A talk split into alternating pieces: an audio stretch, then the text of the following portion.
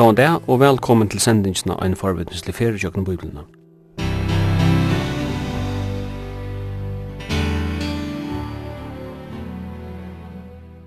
Henda sending er at høyre lindene F501, kvart mykje kvöld klokka 19 og det er endersendt frugja 17. part klokka 15.30.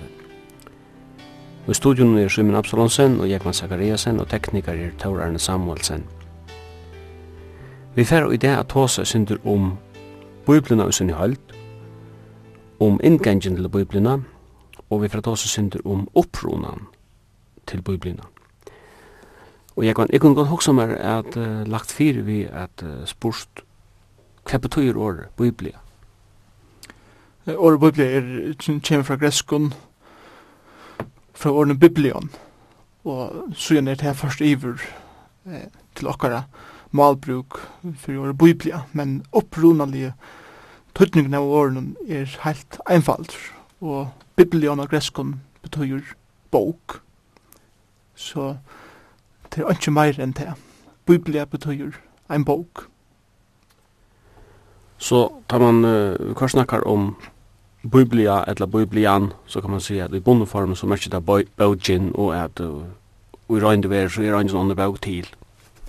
Ja, og ta, ta kommer sånn det enda helt noe annet område, tog at Bibelen er ikke bare en bok som en annen bok som, som kommer ut og som er utgiven nekva senere. Bibelen er en helt avvis bok tog at høvenderen er ikkje jøreskur. Det er det samme som at høvendren er god sjolver og tog er hetta en bok som er eh, og hever nekk større tøtning enn alle er bøkur. Og hon hever uh, vært han bók som uh, hever vært oppsøkken alle tøyer, bókin fyrir öll godsfolk.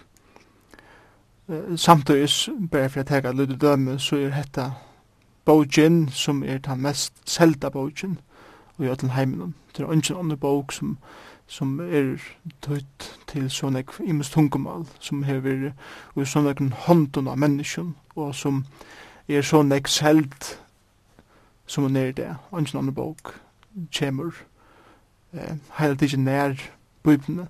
Tøy er det en særlig bok, eh, som sender opp om alle ærer, men allermest tøy, at hon er en godomlig bok, som er givet nok av god sjálf.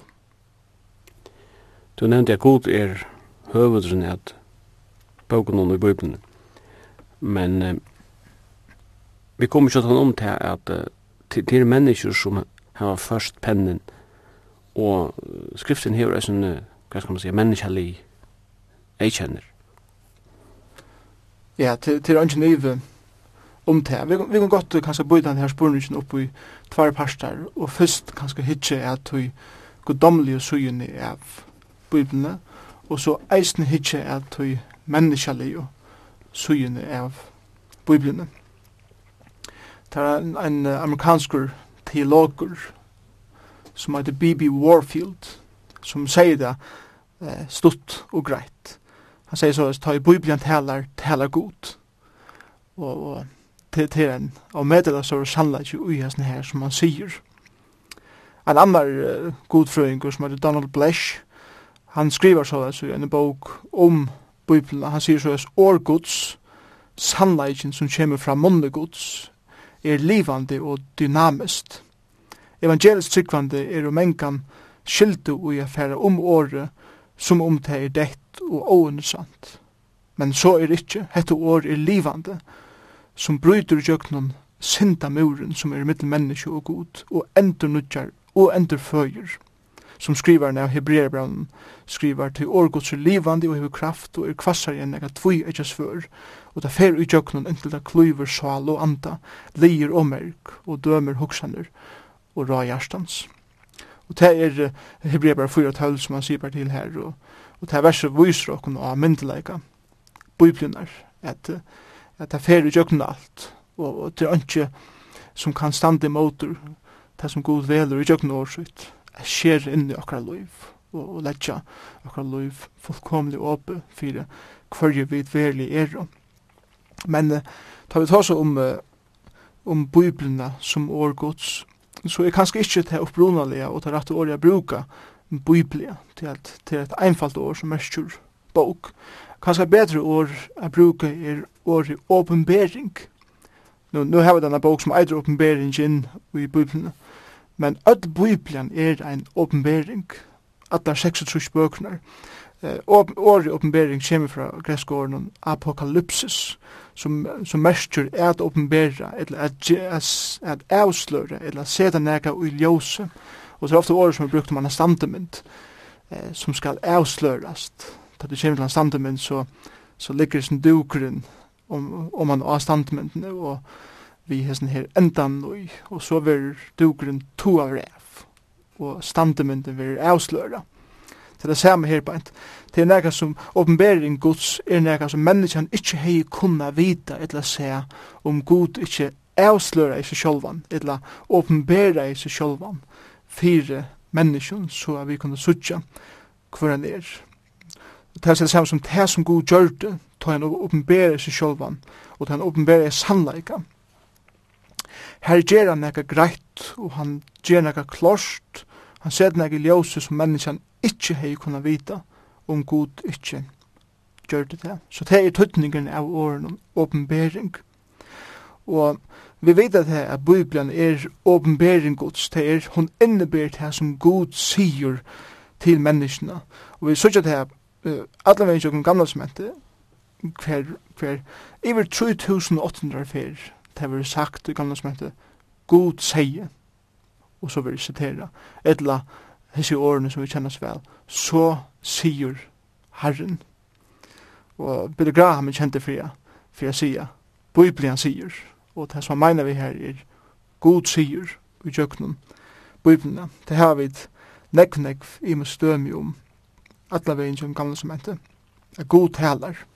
men vi, vi lærer eisne god talar i jöknum profetar og her kommer så eisen menneskelig sujan inn av åren. God omberer seg sjølvan, vi høyra og gamlesmentet Guds rødt tala, men vi høyra eisne, og vi sutt eisne gamle som heter God talar i jöknum profeten, han omberer seg fyrir profeten, og sier vi profeten, så sier Herren, og ber til hentan bådskapen, vujar til, vujar til, til mot folk.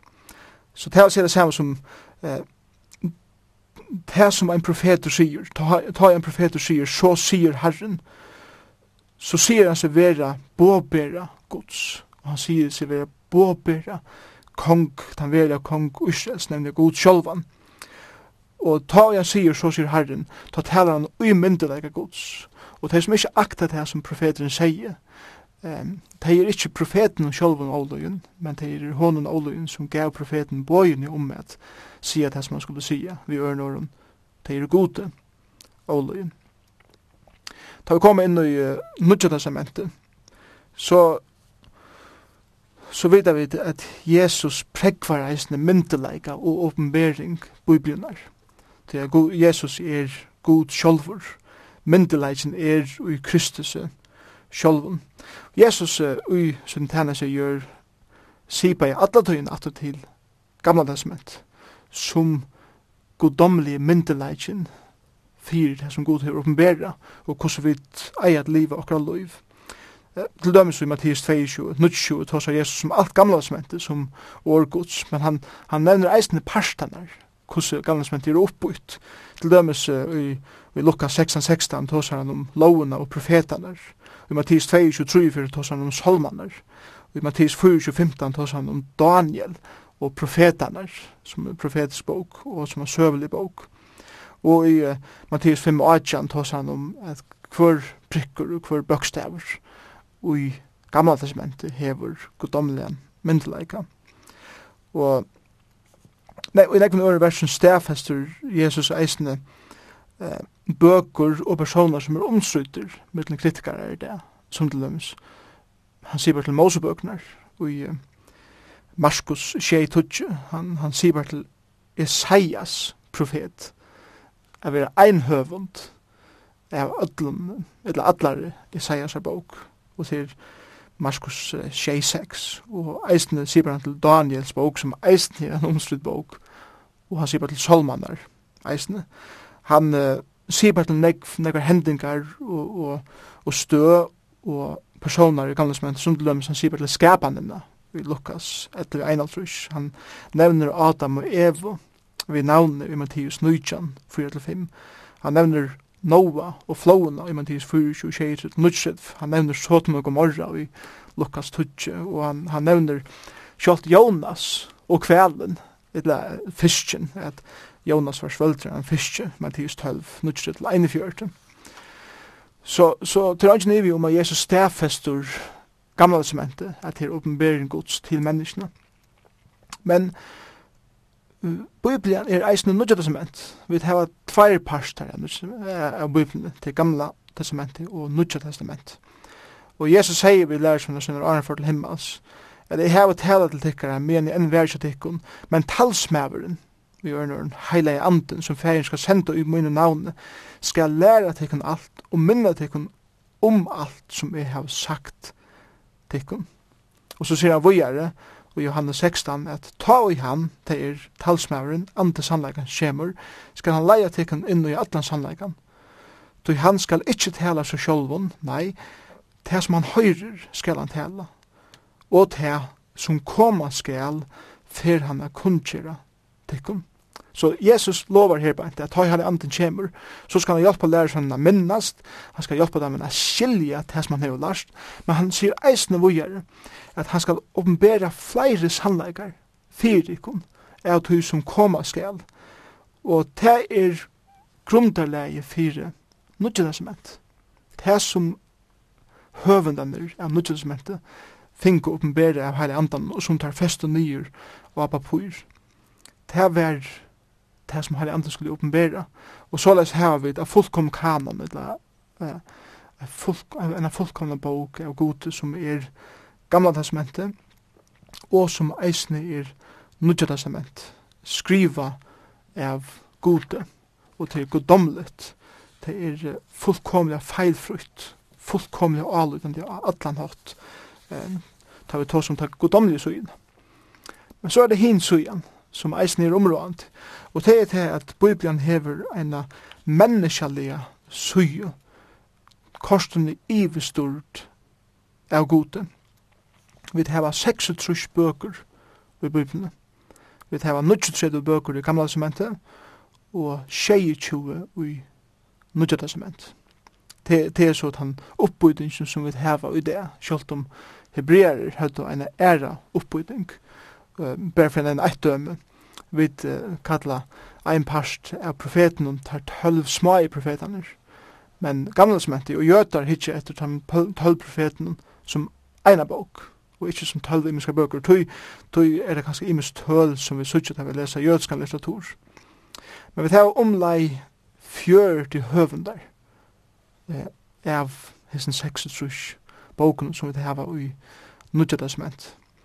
Hesse fjør til høvendar levde uh, i Trimon heimspørsten, i taverande heimenon, mi estri Afrika og Europa, og Bibelen er skriva i jøkken om lei 2000 år, her lei, eh, omkurs sier 1500, det er ikke anpa hvordan man råkna det, hvis man teker jobb som til første bøkene, og til eldste bøkene i Bibelen, jobb var en av patriarskene som levde om lei 2000 og åren fyrir krist, eller herralai. Og så teker man alle veien til de sørste bøkene som var skrivet i, i Bibelen, som er oppenberingen, som var skrivet om lei 55, og år 55 etter krist. Så vi tar her om lei 1900 eller 2000 år. Alle høvendene skriver på og i sin egna støyle. Det er det samme som er god brukte til menneskelige elementet og menneskelige personlighetene og menneskelige omstøvende er ikke øtlen sånne imenske høvenden. Eh, eisen tar egne eh, utbyggving, bakgrunn og sånne egne stil. Så det er samme som det var nekk, det var nekk slø av bokmenten og i bøybene Vi hava lov, punkt for punkt, Vi hava søvelige bøker, vi hava eh, poetiskan stil, vi hava profetiskan eh, skriver hot vi hava apologetiskan altså eh, hot er verja trunna. Bøker som er skriva for er verja imot falskum læraren og vi hava eisne evangelistar som skriva. Da skriva allir i sin egen omstøvun det er det som, samme som at eh, tar sværa av spurningun som tar det finnje tar amina, tar oppmuntra bøkene er trøsta. Vi tar lærande bøker og vi tar eisne teppande bøker personene, hese høvende var imisjer, og medel imisjer, bare nevne nøkker døme, som var konger, til dømes David og Salomon, er var hirar, som til dømes Moses og Amos, som var, som var arbeid i kongshøtlen, til dømes Nehemias og Daniel, Er var fiskemenn og tottlarar, som til dømes Peter, Mattias. Er var profetar og prestar, som til Esaias, Jeremias, Malakias, Samuel og Esra. det var apostlar og evangelister, Jakob og Johannes, og det var vellærter menn, som til Paulus, Lukas og Moses. Og det som var heilt amendlir, men mennelærter, og ikkje nekar titlar at han fyrir sitt navn, som til Markus og, og, og Judas. Men, men, men kortene, og i öllum sinir imensko omstøvunum og i tøyenen og öllum varianten så hava den fullkomnan einleik og i öllum her og i öllum boken og, og god oppenbera i heimen som han yngst at, at de skulle vita hver han er, hva tar hava gjørst. Og så les her i gamla sementet, nudgstøtte bøker, vi har nudgstøtte sementet 22 bøker som fullkomlega harmonera, fullkomlega samsfæra. Og så les oppenbera til allan sannleika gods. Og vi sørger en, vi sørger en reian trå i kjøkkenen, atla bøypna fra byrjan til enda. Til dømes uh, vi heva uh, i patriarskenen lyfti om endeløysing i, i Mosebokenen, hevet, hevet lyfti om det. Og i domaren uh, hevet lyfti om verje gods, og tar leitu til endeløysing. Og i kongadømenen i, i gamlesmenti her vidt her vidt eisne endeløysing. Profetene er tåsa om uh, endeløysing, og evangelien er endeløysing som Kristus, eh, personeren som kommer endeløysa. Og høves evne i Bibelen, som hesser menneskelig høvendene skriva om, er Jesus Kristus. Han er høves personeren. Eh, Bibelen må lesast, det som vi kallar for Kristuscentre, centrerist, det er samme som at Kristus er, er reietraveren, endeløysingen er reietraveren i Kristus, eh, tjøkken bøytene. Til dømes, eh, hvis vi tar oppbøytingene, så er en oppbyding av eh, eh, gamle som heter loven, til den første oppbydingen. Og i loven så ser vi grunden av lagt, lagt for hver Kristus vær. Andre oppbydingen er av gamle, gamle er det søvelige bøkene. Og det er fra Josfa bok og alla vegin lukka til Ester. Her har vi fire reikingsina til kom Kristus her. Um, er Kristus og Gud utvalde seg eit folk. Og i poetiske boken, bo boken og det er lukka fra Jobb og, og til Sorgarsøngen, her har vi uh, lovprysan av Kristus. Hvordan han vil tilby, hvordan han vil lovprysa her brent. Og i profetiske boken fra Esaias og lykka til Malakias, eh, sørger vi at Kristus vil vant av og gjør fram til at han fyrir koma. Så han kom ut i nødgjødningsment. Og her har vi fyrsta, fyrsta oppbyggingene som, som eitur evangeliene, tar fyra, tar fyra evangelistaner. Og her, her sørger vi veruleikan av at det som gamla smentet sa framtid er nu kom, kom i holdt og i blåen. Apostelsøvann er den søvliga boken i, i nødgjødsment, og her har vi boanene om Jesus Kristus og han full, hans er fullgjørte om, om versk om han heim.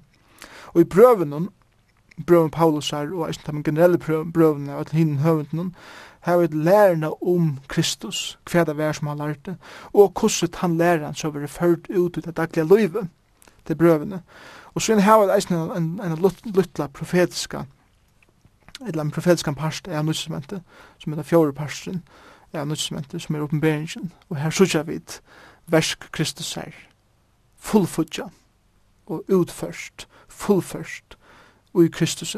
Og så les her vi um, en heldar mynd av hva Bibelen er. Ja, vi har et godomlig elementet, at heile anden iverstort og han rådde iver ötlen tog som tar gjør, så skrivaner, eller høvenaner skulle skriva nyer. Samtøys som vi heva til menneskelige elementet blant opp hui, at han skriva av atler sin egna støyle, i sin egna personlighet, og i sin egna omstøvun. Og så les heva vi ui bøyblene, ui åpenbering gods, ekkodomlet, menneskeligt skriv, som er, er åpenbæra av gode, skriva jøkken menneske, fullkomlig avlutande, utan nekra vittlo, utan nekra mistek.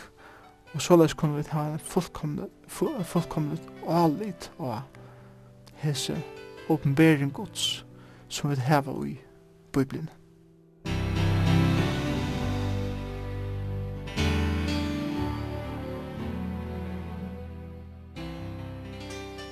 Du nevnte at det er menneskelig suja, og det er ein godomlig søya.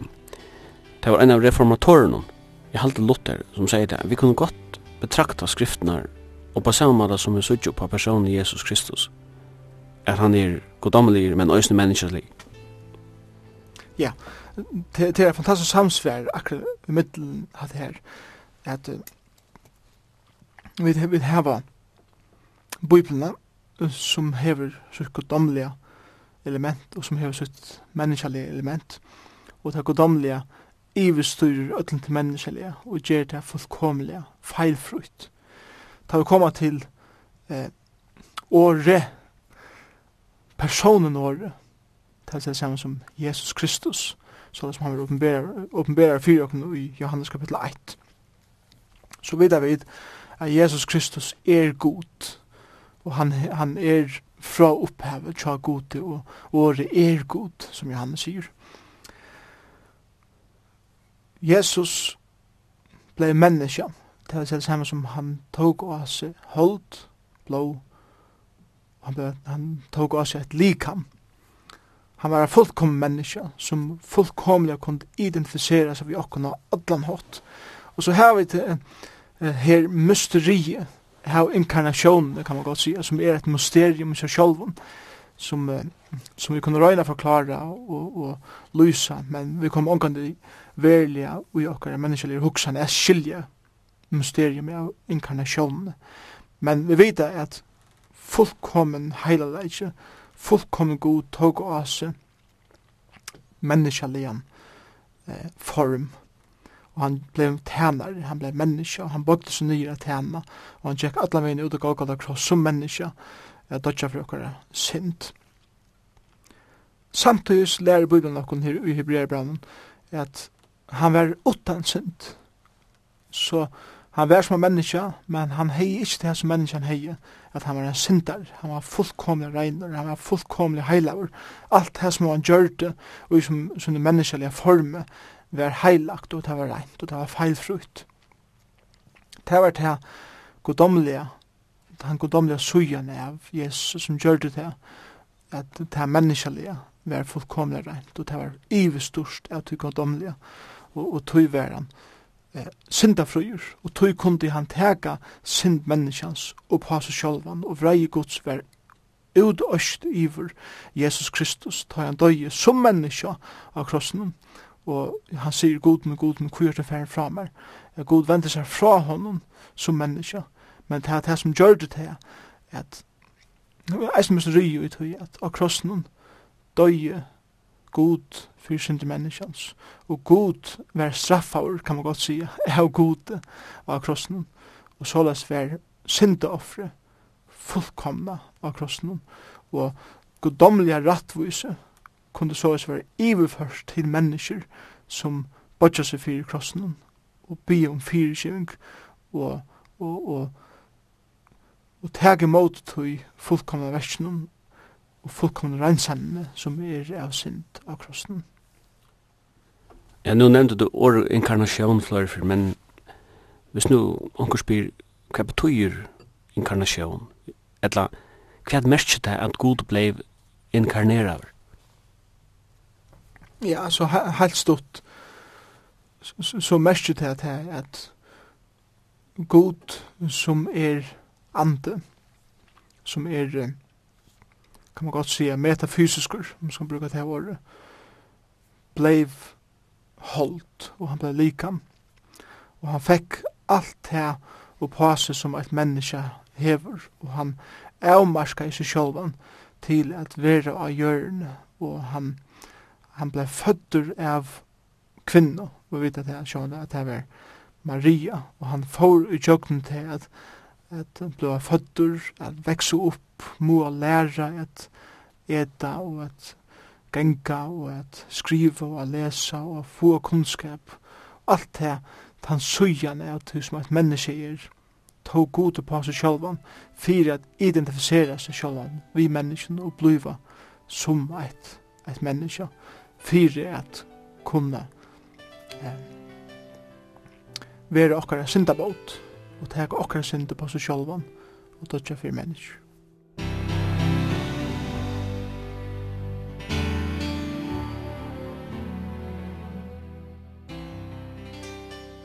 Du brukte året åpenbering, Jan, og du definerer det nekka som at det er en en evennaturlig overføring av kunnskap, av godgivnum kunnskapet og at, at Bibelen eisen er en åpenbering.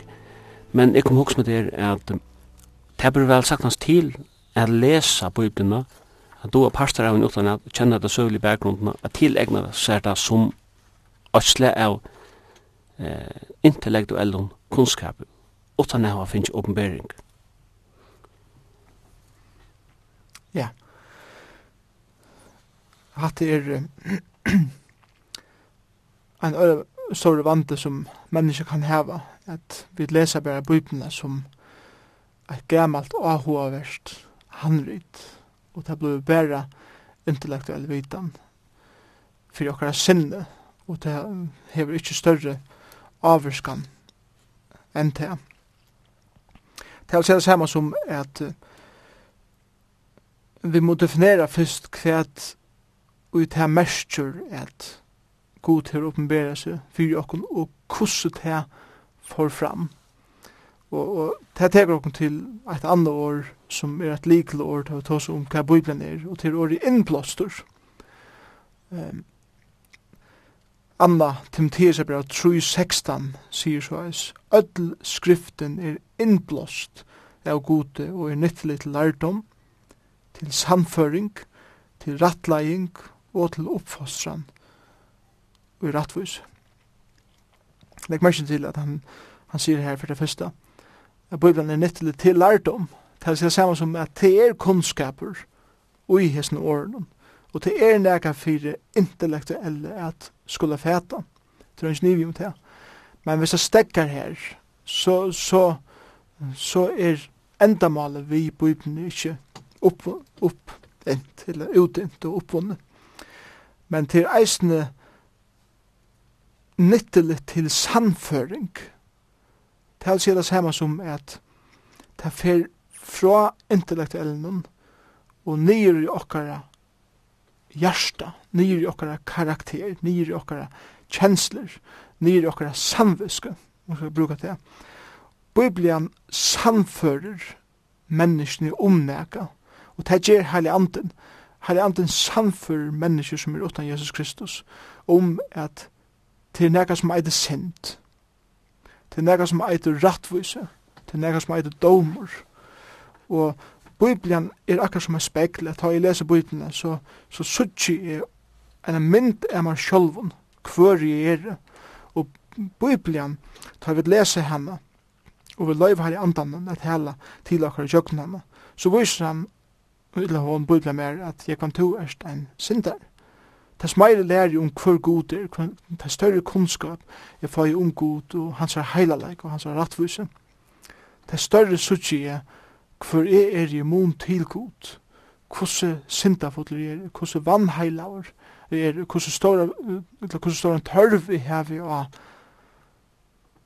syndafire fyrir og hvert synd er, hvert synd gjer. Så Bibelen samfører menneskene om hver hon verlig er, hver tilstander hennara er. Men så sier han eisen, hun er nyttelig til rattlæging, til å si det samme som Bibelen ikke bare sier, såleis har det ut, såleis er tutt liv, såleis fer tutt liv er vera. Men han sier eisen, men såleis kan Bibelen vise til veien, inn og til rattlæging altså rattleing, å være leittur inn og rattar, gøter. Det vil si det samme som at han er anden samfunn om synd, men han samfunn eisen om rattvise. Det vil si det samme som han viser å fullkomna standard gods, men eisne hver ui rattvise fyrir hin órattvise er at finna. Peikar grunna krossen, at du kanst være rattvis gjørtur, du kanst blåa rattur, vi at bodja det fyrir fullgjörda versi Kristus her av krossen, og så kan suggerast rattur Og så sier han til senest her, og til oppfostran og i rattvise. Til å si det samme som at hon hjelper menneskene og peikar dem nå hvordan de skulle leva sitt liv ratt og i til daglige denom. Så hette er god gjørst vi at innblåsa nega. Faktisk er året theopneusis, or theos, etter tvei år som sett saman. Theos er sjående, or god, og, og pneusis, som er året for ande, og til eisen det året som er brukt for vind, eller alt blasa, vi er brukt her bænt og og i bøyden til seg saman som det er nega som god hever blåst ut ur sin, sin munne. Så man kan godt säga at året er utblåst av gode, men, men vi brukar året innblåst. Det kan säga samma som till nekka som blåst inn i skriva i en form ut ur munnegods. Onko brukar året inspirera.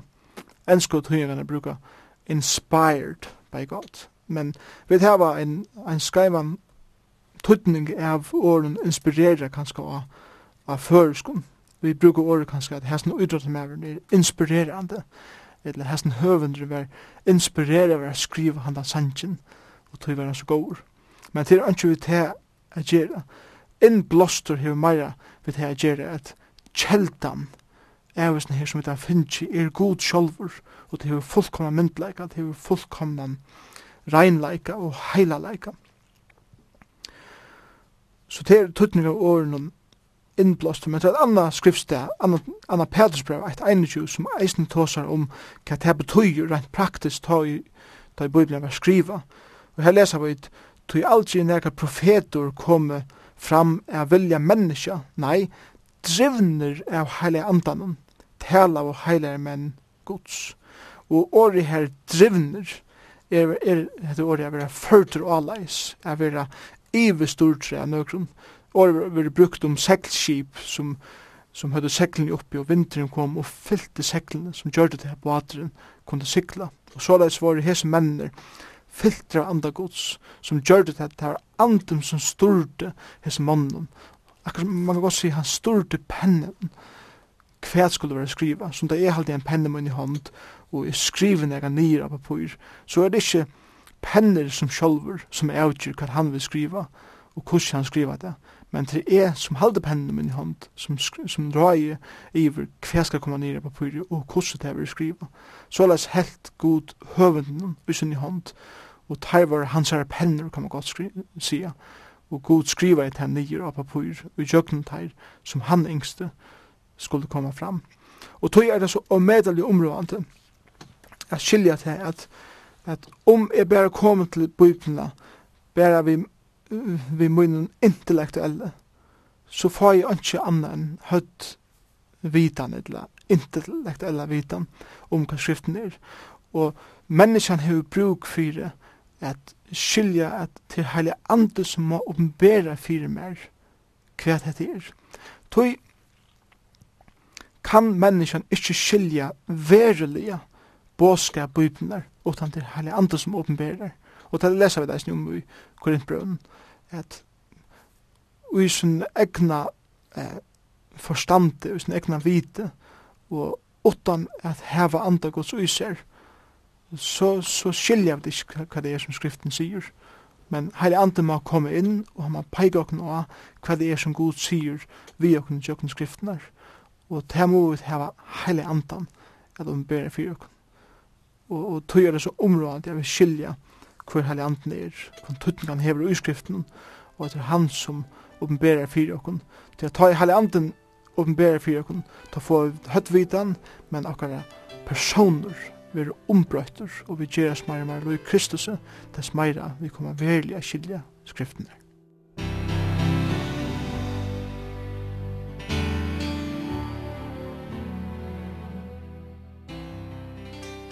Det var sagt om Jesus og en enn at han at han let upp vit til lærer så det står skilt i skriftene. Og det sender sin salmon til nøyden at hei åretøyne var oppladen, så djeva tei ljøs og djeva einfaldon vid. Men jeg kunne hugsa meg å snakke om et anna, og det er spurningrunn om tulking. Onkel til Herman folk sier, jeg mener, altså, biblina trykker vi er på, og, og man skal bare lese hana, og, og tagga det som det stender, og så er snøyd vi tulking. Men, eh, for mer fyrkjent så les som at de som halda til at man ikke pjøs og tolka bøyblina, de tolka han sjálf utan å vita det. Ja, det er ikke nevnt det. Vi vet, er jo prosessene, alla tøyene er tolka. Jeg må si, bare nå tar vi vi bare prata saman her på ent. Ta to tåsar, så tolki jeg det som du sier, og jeg regner skilja hva det er som du sier. Eh, til det samme at det kommer til, til skriftnar. Det her uh, eie er vera tolkar, det her eier er vera utlagtar. eh, Fyra vi skulle skilja hva det er som god sier. Og tog verre, ta det sin, ta vi tås om utlegging, og ta vi høyra folk si at skriftene skulle ikke utleggjast, det skulle bare lesast. Så er trobladje mengan tanne, vi koma til skriftene, vi okkara 21. aldar hugbore, det som jeg har lært i skolan, det som jeg kjenner til i min egna lande, det er omstøvner som jeg lever i, min egne hugsnar hattur hvordan han er myndavur, oppi tjøkken mine badnar og i min arbeid og her som jeg har ferie, så så videre. Jeg har såleis standa meg minstre av hver jeg er, og ofta kom jeg vidt tog minstren inn i skriftene, Og det som jeg leser utjøkken skriften her, sier grunden av det som jeg hukser, grunn av det som jeg har opplevd, grunden av min huksnerhatt og i min samfunnet og i min utvikling, så må hatta betøye til til det, det som jeg har lært. Det er det samme som at vi leser inn i skriften her, som vi kallar for eisegesa, altså at lese inn i nega. Gresk i eis betyr inn i. Det er fyrir at ta det kjem til bibeltolkan så skal det være exegesa jeg við halda nakar på urskriften vi gjør ørnar om hva er det som god sier ikkje grunn til å mine egne sjunda aldar oppfæda meg av hvordan heimen ser ut hva er det som god sier med og er hengt av tøy og så lesa drepes ur tøy tøy er det områdande jeg skilja eh, at vi må komme til bøyblina, til å ta med utlegging, vi har en bønar anda først og fremst, vi må komme til bøyblina vi hesten her, hva var det som den opprunalige høvendren, sier vi den opprunalige skrivaren, og i tarra omstøven, og i tarra tøyen, vi tarra spurningen, vi tarra eh, ubyggving, og så videre. Tøy er bøybletolkane det, og med til området. Bøybletolkane er en vysund, og ein kunstur, kan man godt sige. Bibeltolkan er først og fremst en vysun til at det er en tilgångt vi avvysun meireglen som man skal fylltja og eisne avvysun framferðarhotten, og til det som vysund er bygd på i det, du hever nekkar avvysar teorier som du kommer til en kanning vi. Men samtidig er Bibelen meir enn det, hun er eisne en kunstur. Det er det samme som hvordan hese framførerhatter og hese meiregler skulle brukast er en kunst som skal lærast. Og, og tog er det en utbygging i seg sjolvun. Um, og at, at tolka etla, bibliotulkan er det greske ordet hermonaia, som, som, som mestur simpelthen at at tolka nek, at utleggja nek, at omseta nek fra ene male til til eit anna. Og til området at jeg skiljer her hvordan vi, hvordan vi gjør det. Hette er en heil ver i seg, i seg sjølven. Men til nægge mer, som jeg halde vi kan godt tega fram, til det kommer til bibeltolkan, og så eisne hvordan vi så gjør det. Nægge mer, som jeg pleier at, at undervise ut, har jeg tås om et evne er for det første til bøn.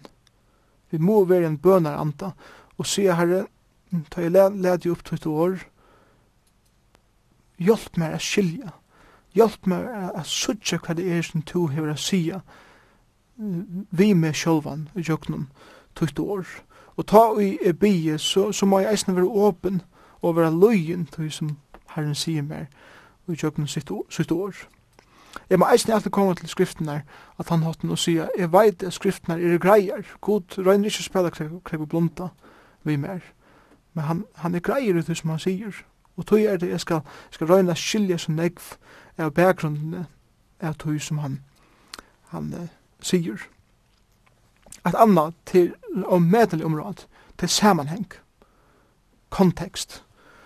Uh, jeg skilja til at ta jeg leser et vers, så er det nekka som stender åren, og det er nekka som stender atana. Eh, samanheng, eisen søvle samanheng, hva hender i samfunnet, hva hender i landen, hva hender vi som personen, hva hender vi samkommende, ta ui at her vær sagt. Eh, hvis vi teka det som vi leser i okkara bløvun, eller okkara fjölmunnen, ur samanheng, så kan vi få det her bort ur det som vi vilja. Og tog er det eisne at Bibelen er så ofta misbrukt. Vi må skilja helda myndina og samanhengje av öllum som vi skriva. Og, og til seg det samme som at til et endamal vi kapitlen, til et endamal vi bokene, til et endamal vi allar Bibelen, tog at en annan meiregel i, i Bibelen utlegging er til at skriften er en end fra første Mosebok, lykka til oppenberingsna, til en reiuttraver allan veginn i kjøkkenen. Og Tøy er ein annan meir regla, at vi du bare leta skriftenar, utleggja skriftenar. Og ofta tar vi lesa eit vers, så vil det verset forklara meir av nøyre verset, kanskje en helt ærere bok, som, som det kastar ljós og hvers anna. Et anna som er eisne områdande i bibeltolkan er alltid affæra fra ta til nu, og ikkje fra nu til ta. Vi har nøyre om da jeg leser det verset her, så, så har vi avgjørst at dette er det som det betyr for meg nu, og så kan vi gjøre samme hva det betyr for det ta. Men om vi skulle være skilja hva det er som Gud sier vi med nu, så må jeg si, ok, hva sier Gud vi det ta? Ta ui Johannes skriva i sitt evangelium, og han sier det som han sier vi det. Hva er vår det? Hva var det som Johannes sier?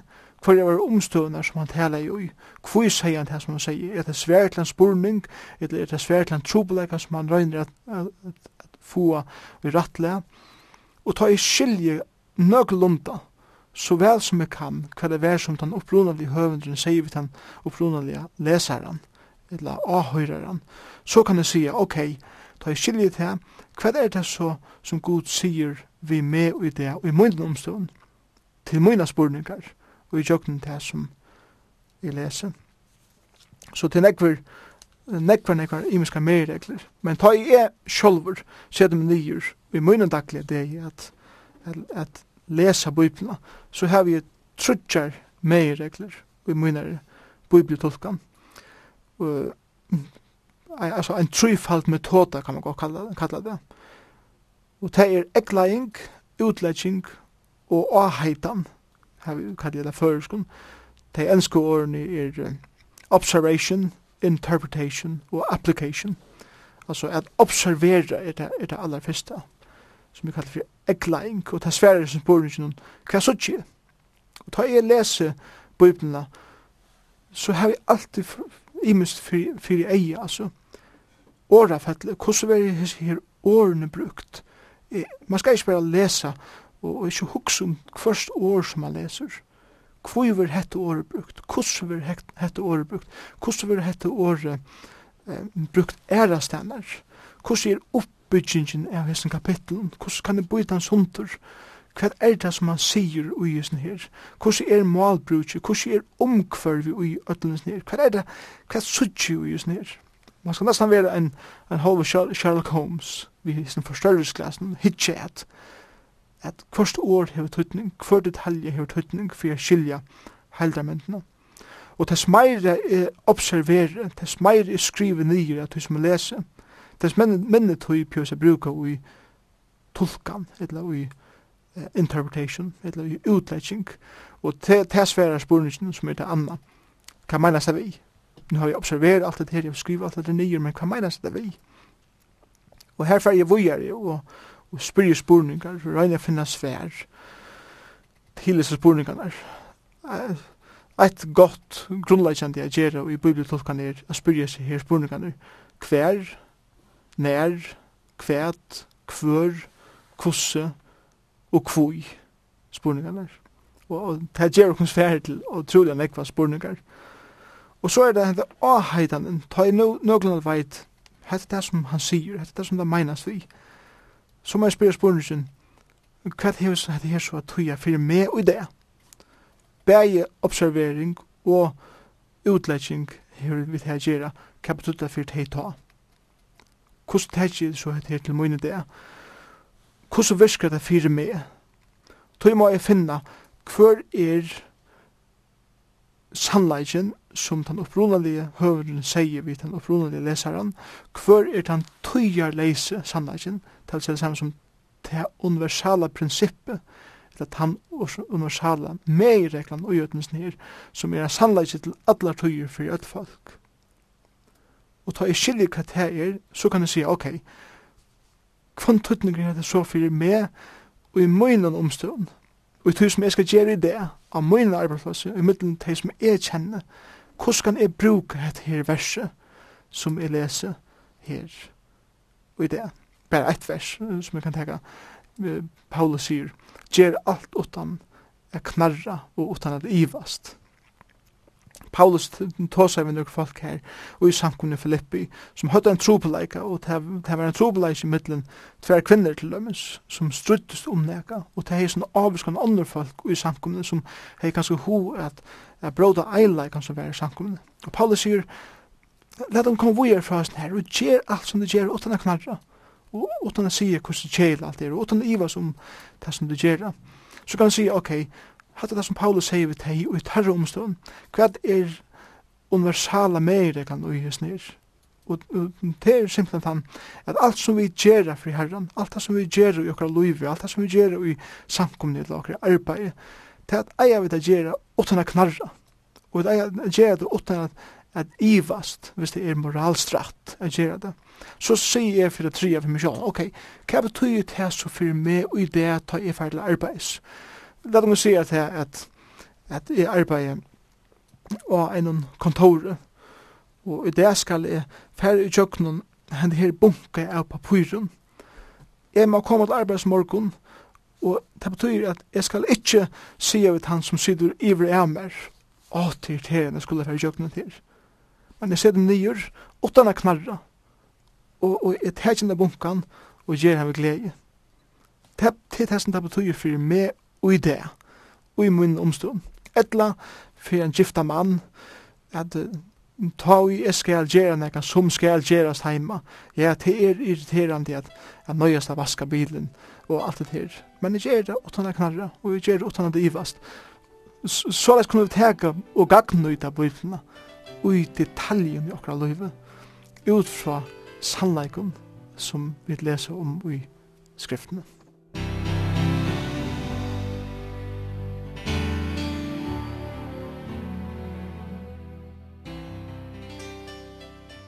Eller mest at du nevnte noen ting her, jeg kan ta seg om bøn, som nummer 8, som er helt avgjørende, for jeg lærer skriftene å kjenne, til å ta seg om uh, søvelige bakgrunn, du nevnte kontekst eller sammenheng, og du kom inn på exegese, altså teka teksten ut, og så utleggja han og spyrja seg sjálvan, som det er det som er helt avgjørende, eh, hva kan jeg bruka det til?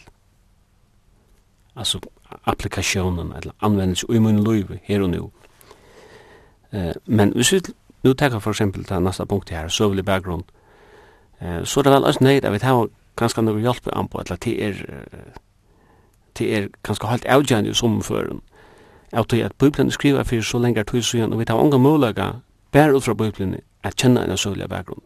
Jeg kan ta døme som, hvis vi leser Jonas er bøk, og, og vi sier at profeten vil sende god inn i Nineve, at uh, profetere at han skal være lagt i øye. Og så enda bøkken vi tog at Nineve menn vendte om, tro er god, og god sparte bojen, og Jonas ble vittler. Og vi sitter etter vi når vi er fætan av at uh, hver profeten har rett sikt av. hatt en omedelig gåver og grunnleggende eh, sannleggje som du sier her. Det er ikke nivi om at at vi må heva en grunnleggjande vitan om bergstøy og om berggrund, bergshøvelige, mentanarlige, personlige og målslige berggrund, om vi skal skilja omstøyene som Bibelen var skrivet i. Og du nevner Nineve, til dømes, og, og, og en maver som, som fer på affæra fra sin egna land til Nineve, Haboa, evangeliet, som Jonas. Og han flytjar fra gode, og han vil ikke gjøre det, og han er åløyen, men kommer her til korsene, og tar så god spær Nineve, så er maveren over. Og hatta virkar, virkar okkur heilt løye inntil vi skilja søvelig bakgrunden. Og søvelig bakgrunden er tann at minne var høvestæveren i Assyria. Ta verande heimsmaktene. Assyria var ein allmetelig rå tjov som var fullkomlig nøyeleis i måte sunne grannom og i måte sin fudgjenden. Og Israels menn høyde sannlega lije under jatnhåndene fra Syrien. Og der norrar og attenar tudje var teknar ut i utleggt av Syria og i år 22 fyrir krist. Og det var en grunnleggjande hætur i måten hos en rævlig folknum. Eh, som hadde gjort så og med enn jeg ønte mot Israel. Tjånar hun om Assyrien rønte å halda seg vel og så vel som det kom kommet i Måtes men, men det, er rett og stær tog at det var så barbarisk og Jonas og i sunne menneskelige hætre i motor Nineve folken her, og mot Assyren her at hitje, innskjer at Gud skal bare øye seg folkene, som kostet dem så negv, og voldet dem så negv trobeleikar. Og nå sier Gud knappt av Jonas, du skal fære til hese folkene, tog en ringkast av fudgjenda, at fortelle dem at Gud elskar deg, og innskjer frelsa deg. Og han vildi ikke, og han rømte, men Gud fører han her til, og til han ser at Gud viser dem nøye, er han overen av Gud, til han er yngst, at Gud skulle utrota sinne, eller, ja, sinne egnu futsindar, og at han skulle i jøgnun til djevo yrkesfalkje, fri og nøye. Og tar vi, tar vi skilje hatt det her, så skilje ølja vel, sjolvor, at han blei over, tar vi god sparte falkje, at han sparte på en ringkasta, futsinda, han som vi kjørst mer, så negv, illt. Og, og hatt det så et døme, til, til andre døme, til dømes, uh, Boas i Rutsbók. Det virkar heilt løy at han fer fyrir det fyrsta i boiporsi at kjeipa et land. Inntil vi skilja at, at det var jo myndeleisen i boinum, altså boirai og, og om vi skal bruka vår landstøyre eller boirai eller Løkting, og i okra landet, det samleis i boiporsen, så råhuset eller tinghuset, var i byporsen, og her var allar sætjer avgjørdar og domer, domer var, var fallende her, og om skulle kjeipa gjør og selja gjør og så videre, så var det her avgjørt her. Tog for bo oss i byporsen, men så lesa eisen om at ta i han er så kjeft disse gjørna som han skulle kjeipa, og han, og han kjefte rått, så teker han skekven av foten og, og han, han, han fær henne skrekven fra hon som, som han kjøpte hjørna fra. Og, og vi tok sammen, hva kan, kan tøtning vi til?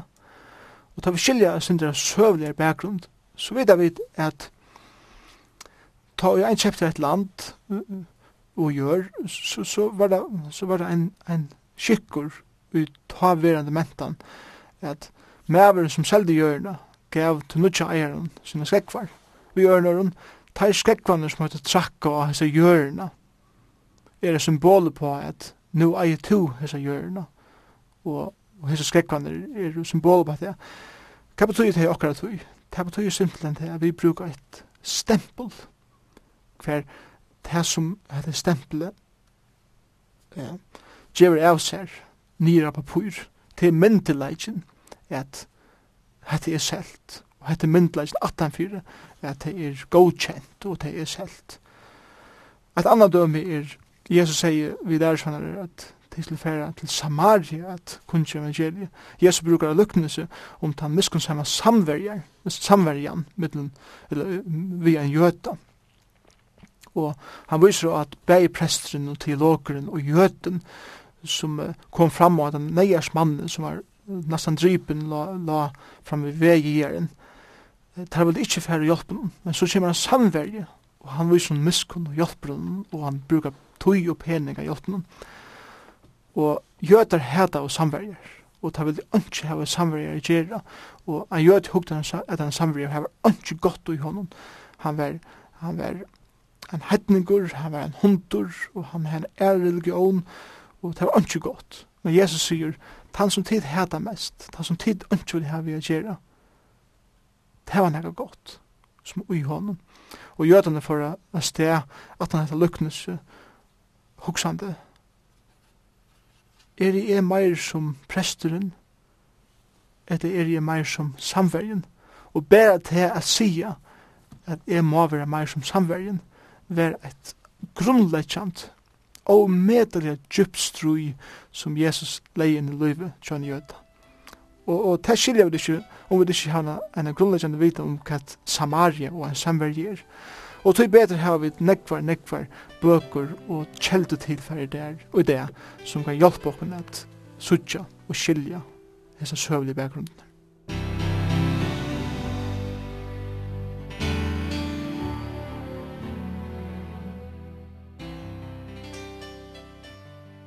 Ja, et annet døme til dem, så Jesus fær spurningen er det nu løyvlet at jeg var skatt til kajsaren. Og han sverre i, hvor frøsta tid med? Og hvor er hatt av en frøsting? Det skilja vi jo først og fremst, det er jo at det er politiske bakgrunnen av at han fær han spurningen. Men um, et er søvelig bakgrunnen et annet er øyne sånne ting som um, uh, tungemal, altså malet som de tar seg ta, og hesar imiske glåsenar og tøtningin ui åren som det ikke alltid har så lagt vi at skilja.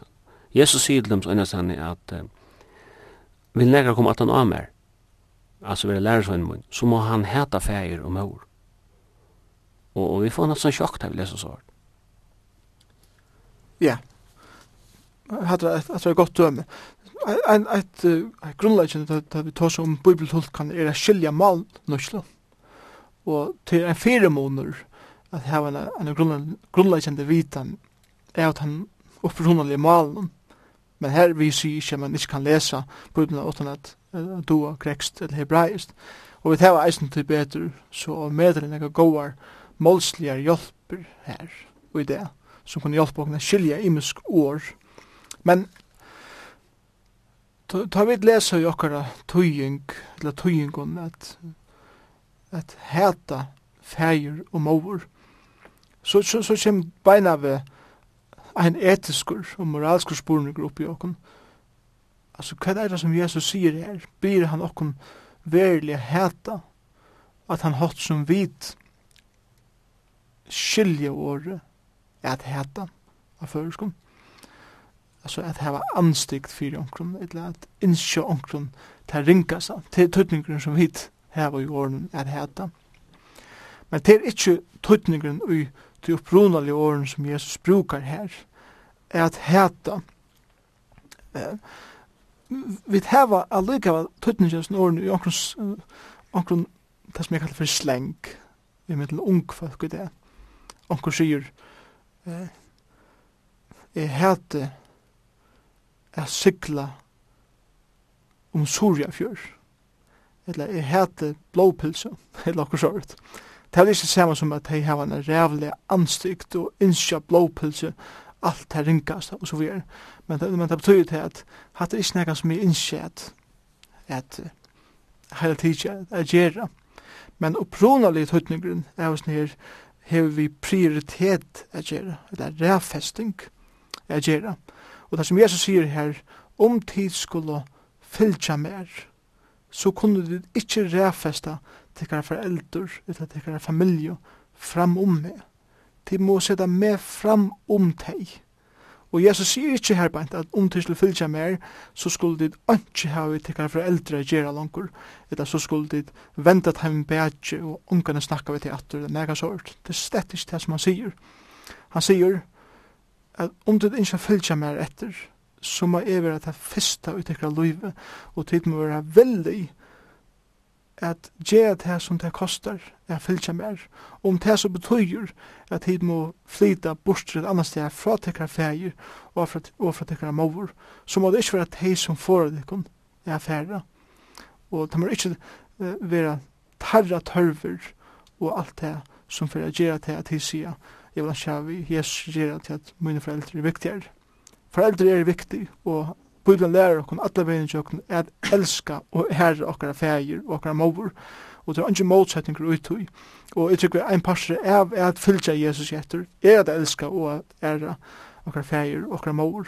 Men da det kommer til rævfesting, så sier Jesus, om det verlig ikke fylgja meg etter, så er det er nummer eitt, og alt anna kommer at anna nummer eitt. At dømi er øysni og samband vi Jesus grøyer verma og Peter. Det ser ut som at det er at den første, en av den første kraftagjeren han gjør, tar det kjem til grøying. Um, at, at uh, hendan dagen røst som beina vi og fara borra i fyrdømmen, men så stendet det at ta i kveld kom, Ta kom alle boiren saman utanfor husen, og det kom vi öllum dem i sjuku, og han grøtte deg. Og, og man sitter etter som tankene, ja, men hvor kom det ikke bare ved? Hvor bor det til kvöldet for å komme? Nå husker jo om at det var en sabbat. Ja. Og, og her, her kommer så at akkurat til det her, at vi må ha en, en grunnleggende vite at, at de her hva sabbateren er, og hvor kom det ikke om dagen, men om kvöldet. Og det var ennast så tog at sabbaten var fra solseder til solseder, og, og at han var hesa tøyene av den til sappan var iverstein, så var det at frals, om skal kalla, bruka det året, eller så kunne det atur færa atur til dagsins versk. Og de visste det at de kunne ikke gjøre det, selv om de gjerne koma beina ved, så det tykker vi til det kom. Flere av oss nere kanskje skulle, som sjugo måtte beras til Jesus, og det hadde ikke lov til å bera birar sabbat. Ja, akkurat. Og, og hvis vi sørger til fire og henne bøyen, at uh, jeg tykker at, at uh, tøyen om at Mover Petrus var grøtt, det er jo kommet kjøtt rundt. Og det er yngst affæra, men for ikke bråta sabbatsbøye, så måtte jeg bøye inntil kvöld kom, og ta i kvöld kom, så, så leser vi det eisen bøkstavlig her, men alle bøyeren, de og vi er ødelen sin sjuko, og og öllum teimen som måtte berast og alt det. Det hadde heller ikke loiv i sabbaten a genga langur, eller at ferast langur, enn et avvist metratel, om skal kalla det sånn. Og, og tog måtte jeg, måtte jeg boja. Og her har jeg dømi på at de boja til kvalitet, så at jeg kunne vera lov Moses her.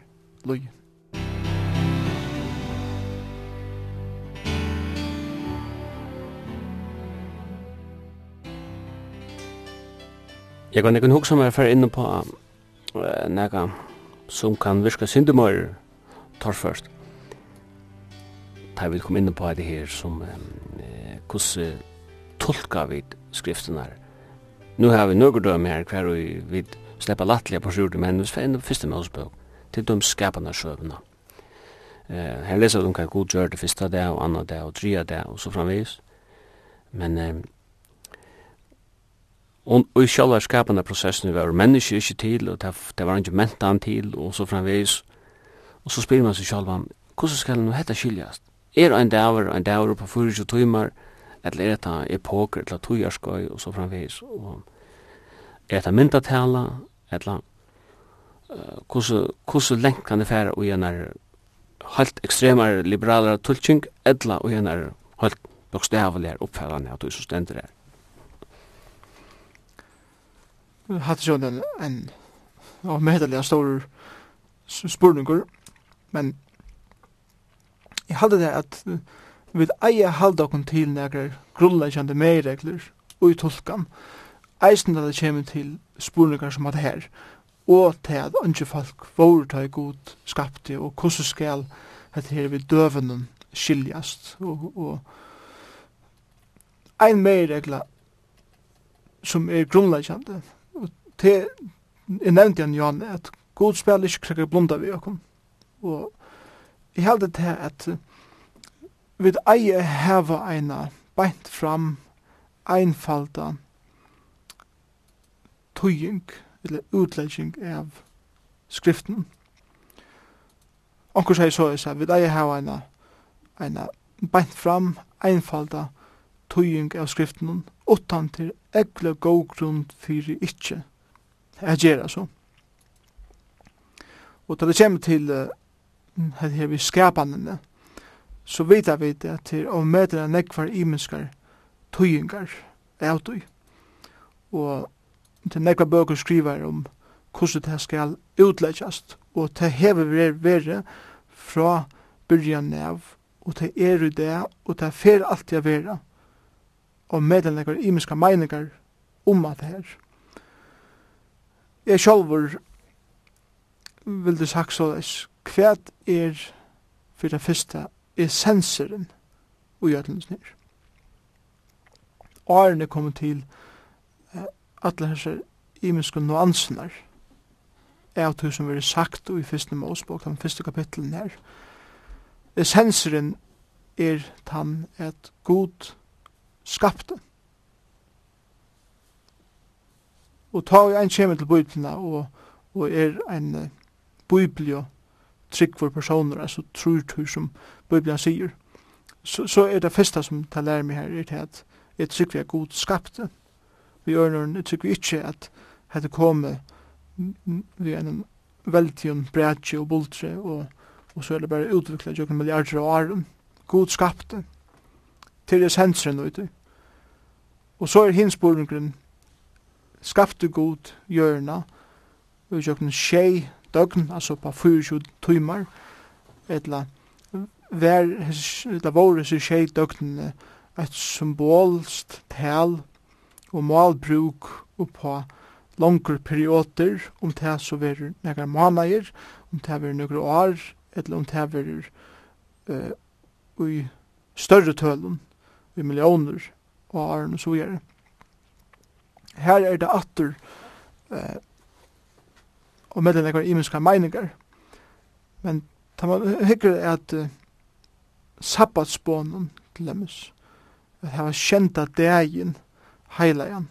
Og vi lesa i Moseboken ikkje fyrste Mosebok, men ærestan er Moseboken, at god skapte hjørna og på tjei dier og kjenta degin kvultjan. Og tegat iver i at vi skulle halda sabbaten, sabbatsdegin, heilegan. Så vi skal da fyrir mer såleis at hvis vi skulle tolka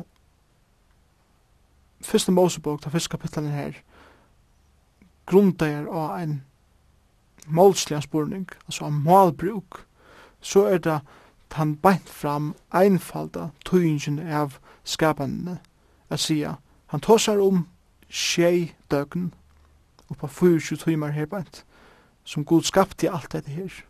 Og, og ta vidare vi sjån at Gud var fyrir fyrir gjerra. Tog at om man sier at Gud kvilde kjenta dagen, og han gjør det han dagen til kvilddagen, så var man eisne sier såleis at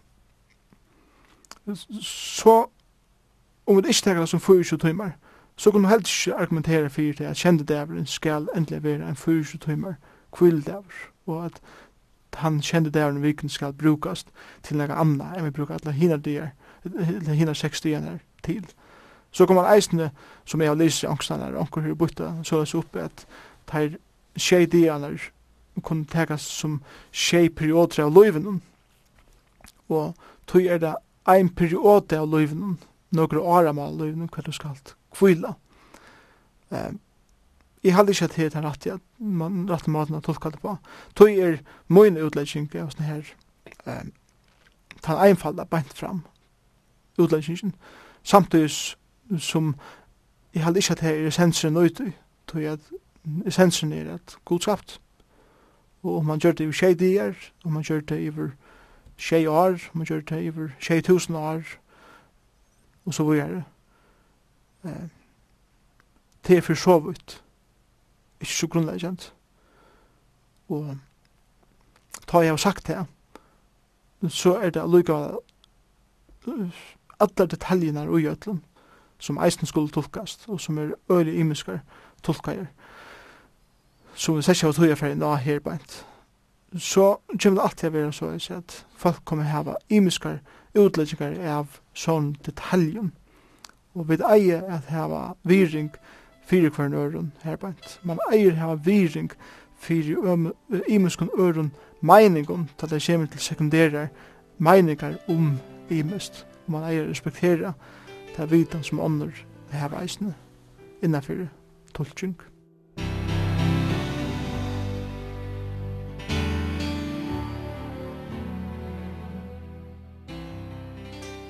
Jeg kan vi skulle rundt av sendingen av, men jeg kan huske meg spørst her. Vi har 36 bøker i Bibelen, og vi vet at, at jødene hadde ørgrunni av, av hele omskriften. Vi vet kjenner til lønnsla på og Mishna og så framveis. Kvoi just 36, kvoi just hesa 36 bøker i kanon? Ja, at det her har vi den så stor spurning, som er torfer å svære og en stort som svære men jeg skal røyne at at hekka sammen om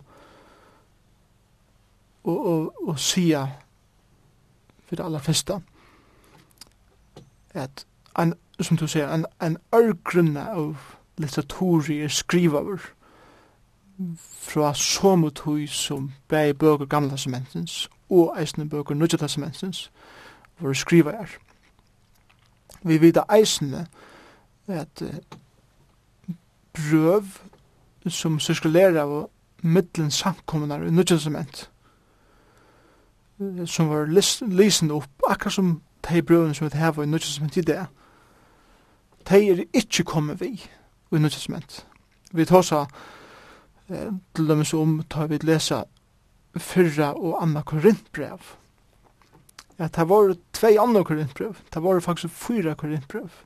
men det kom heller ikke vi. Så det grunnleggjande jeg sier her er det at vi vet ikkje kvoi god akra valde nekra bøkur, eller nøkra brøv ut, er vera en parsa av bøypene, og kvoi han vreka i æra bøkur og andre brøv. Det må være ærlig nok til, til å kunne sige Vi vet ikke akkurat hvor. Men det er ikke er tilgångene hvordan skriften er samlet. Og vi minnes eisen til at skriften blei ikkje samla ut i formen som vi hava henne nu for en flere hundre år etter Krist. Det er det samme som bægi i gamla testamentet og eisen i nødja testamentet høyde det onga samlega biblio som vi hava det. Men det, det, det, det sirkulera i meira middelen samkommunar og gamla som heter la inni i synagogunum i, eller, i middelen jødanar. God hevur og i jøknum menneskje eisne herbeint valgt at verveita nekra bøkur og nøkker brøv som han yngste skulle gjerast en pastor av tøy som som folk godtog at sia hette er fra gode, og det var ivestost av gode sjolven. Og såleis ble det samla mer og mer saman, og det som hendte i eisne rent søvlig og i samkunn var det at de prøvene som god valgte ikke skulle være vi, de akkar som var lisen, de var jøkken arbeid, og så var det lagt på hitlanar. Og de var ikke brukt, og de var nesten glemt. Steg for det som god valgte, det ble sirkulera i alla tøyina. År at år, atterlig at atterlig, öld at han öld, og i middelen fölkje, og det ble en parster av tøy fölkje falskjen godtog. Og det samme hendi i, i gamla testamentet. Grunden fyrir at uh, apokryfinar ikkje er en pastor av kanon, men la meg si her bant, at katolska kyrkjan hever kost apokryfinar, og pui, det katolska kanon. Grunden fyrir at apokryfene ikkje er en pastor, er ta vi lesa apokryfnar så sørger vi beina vegin at hotteren som hesa bøkna er skriva er, kunne sett seg samanberast vi hvordan hina bøkna som er i biblene er skriva er.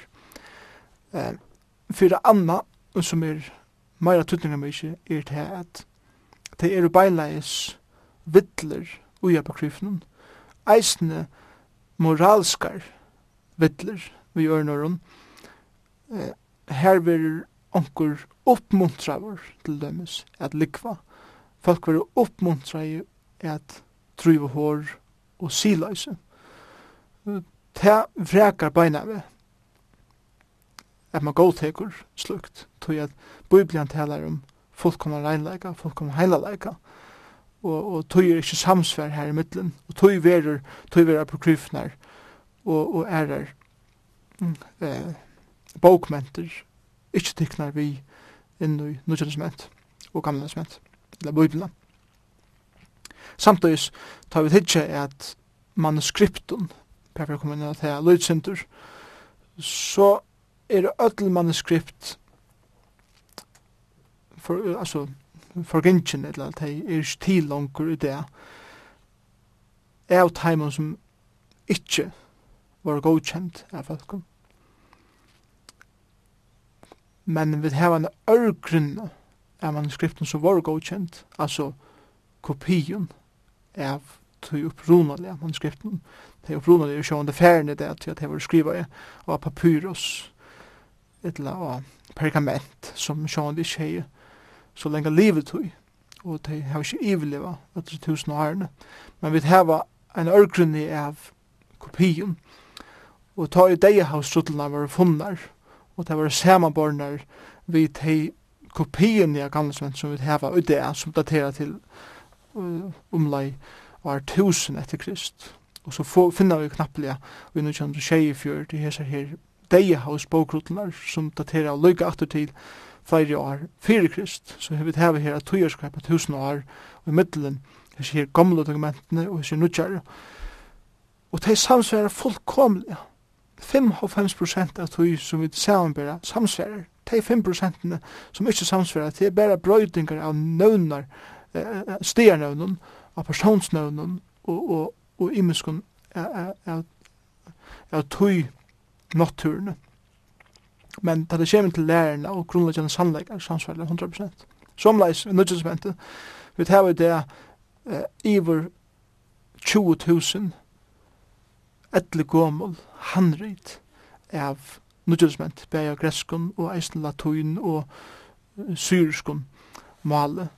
Og god hever akkar som givet men ørkene av oss her, hver hver hver hver hver hver søvelig litteratur, som til dømes Iliad og Homer har et noen få eintøk, Galliske Krutjene av Julius Caesar har et noen få eintøk av, og teit at her er helt aftur til, til år tusen etter Krist, som er ungt relativt, ta vi hitje at, og samarbeid her vi nudgjelesmennskriftene, som daterer helt aftur til holdt trus år, eller hundre år, at han da, til opprunalige dokumenter har skriva, og hava en ørkrinni av tog.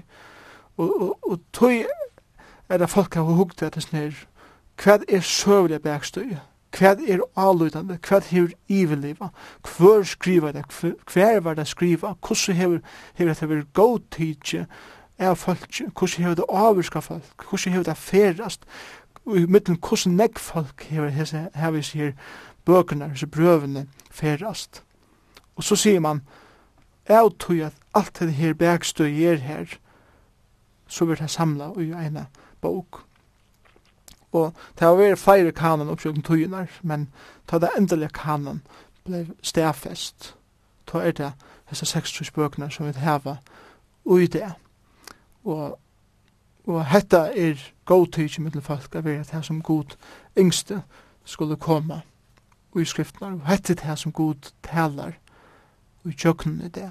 Og hetta er det som ombrøyder menneskjaløyf. i det hetta er ikke bare en samling av noen gamlun handriden, eller gamlun bokun, at det er livande årgods som peikar av Jesus Kristus og som peikar av hans fullgjørda versk av krossen og heile anden som er god sjolver virkar i tjokken etter året som vi, som vi lesa i det og, og vi leser i skriften om at hitt naturliga menneskja, tala seg saman som de som ikke har tid som åter Jesus som sin frelsa, heva ikke andra gods, og de skiljer ikke det som andra gods høyre til, og teimen er det dorskaper, da det leser skriftene etter, det er omgang tøytning, og han kan ikke kjenne det, til han kan ikke døme andalega, og, og tog er det menneskene har bruk for å være frelst, for å komme å kjenne Herre Jesus Kristus som sin frelsere, for å få hele andan av byggfå i seg, så de kan skilja hva det er som god lærer i kjøkken skriftene, hver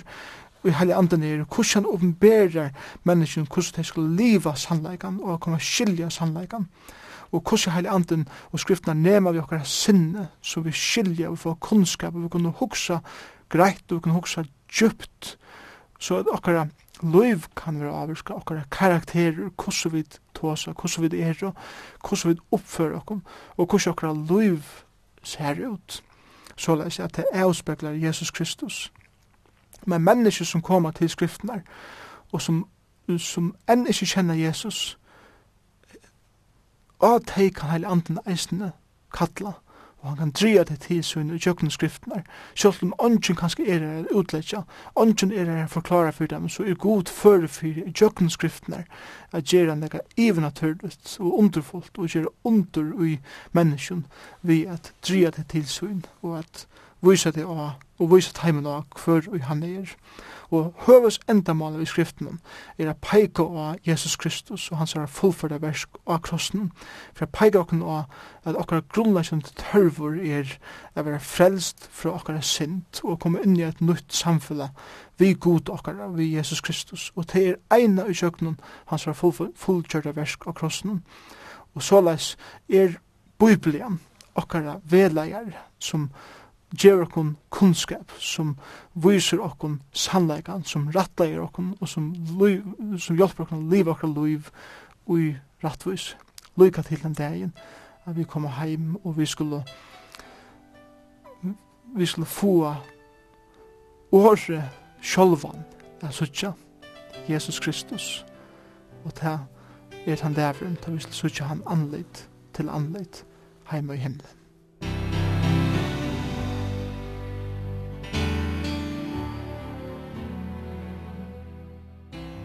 Og vi hesson åren så er vi kommet fram til endan av sendingene og en farvetnuslig fer i Jøgna Bibelina.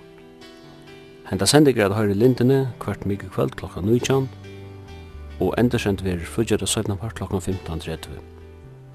Og i studion var Simon Absalonsen, Jekvan Zachariasen og teknikar var Taur Arne Samuelsen.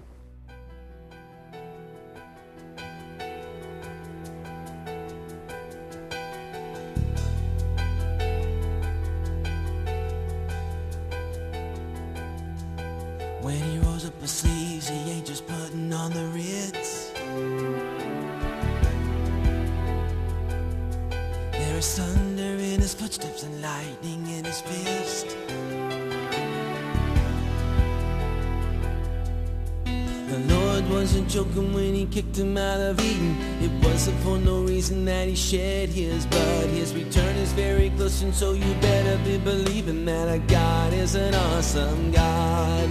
Our God is an awesome God. He reigns from heaven above With wisdom, power and love Our God is an awesome God.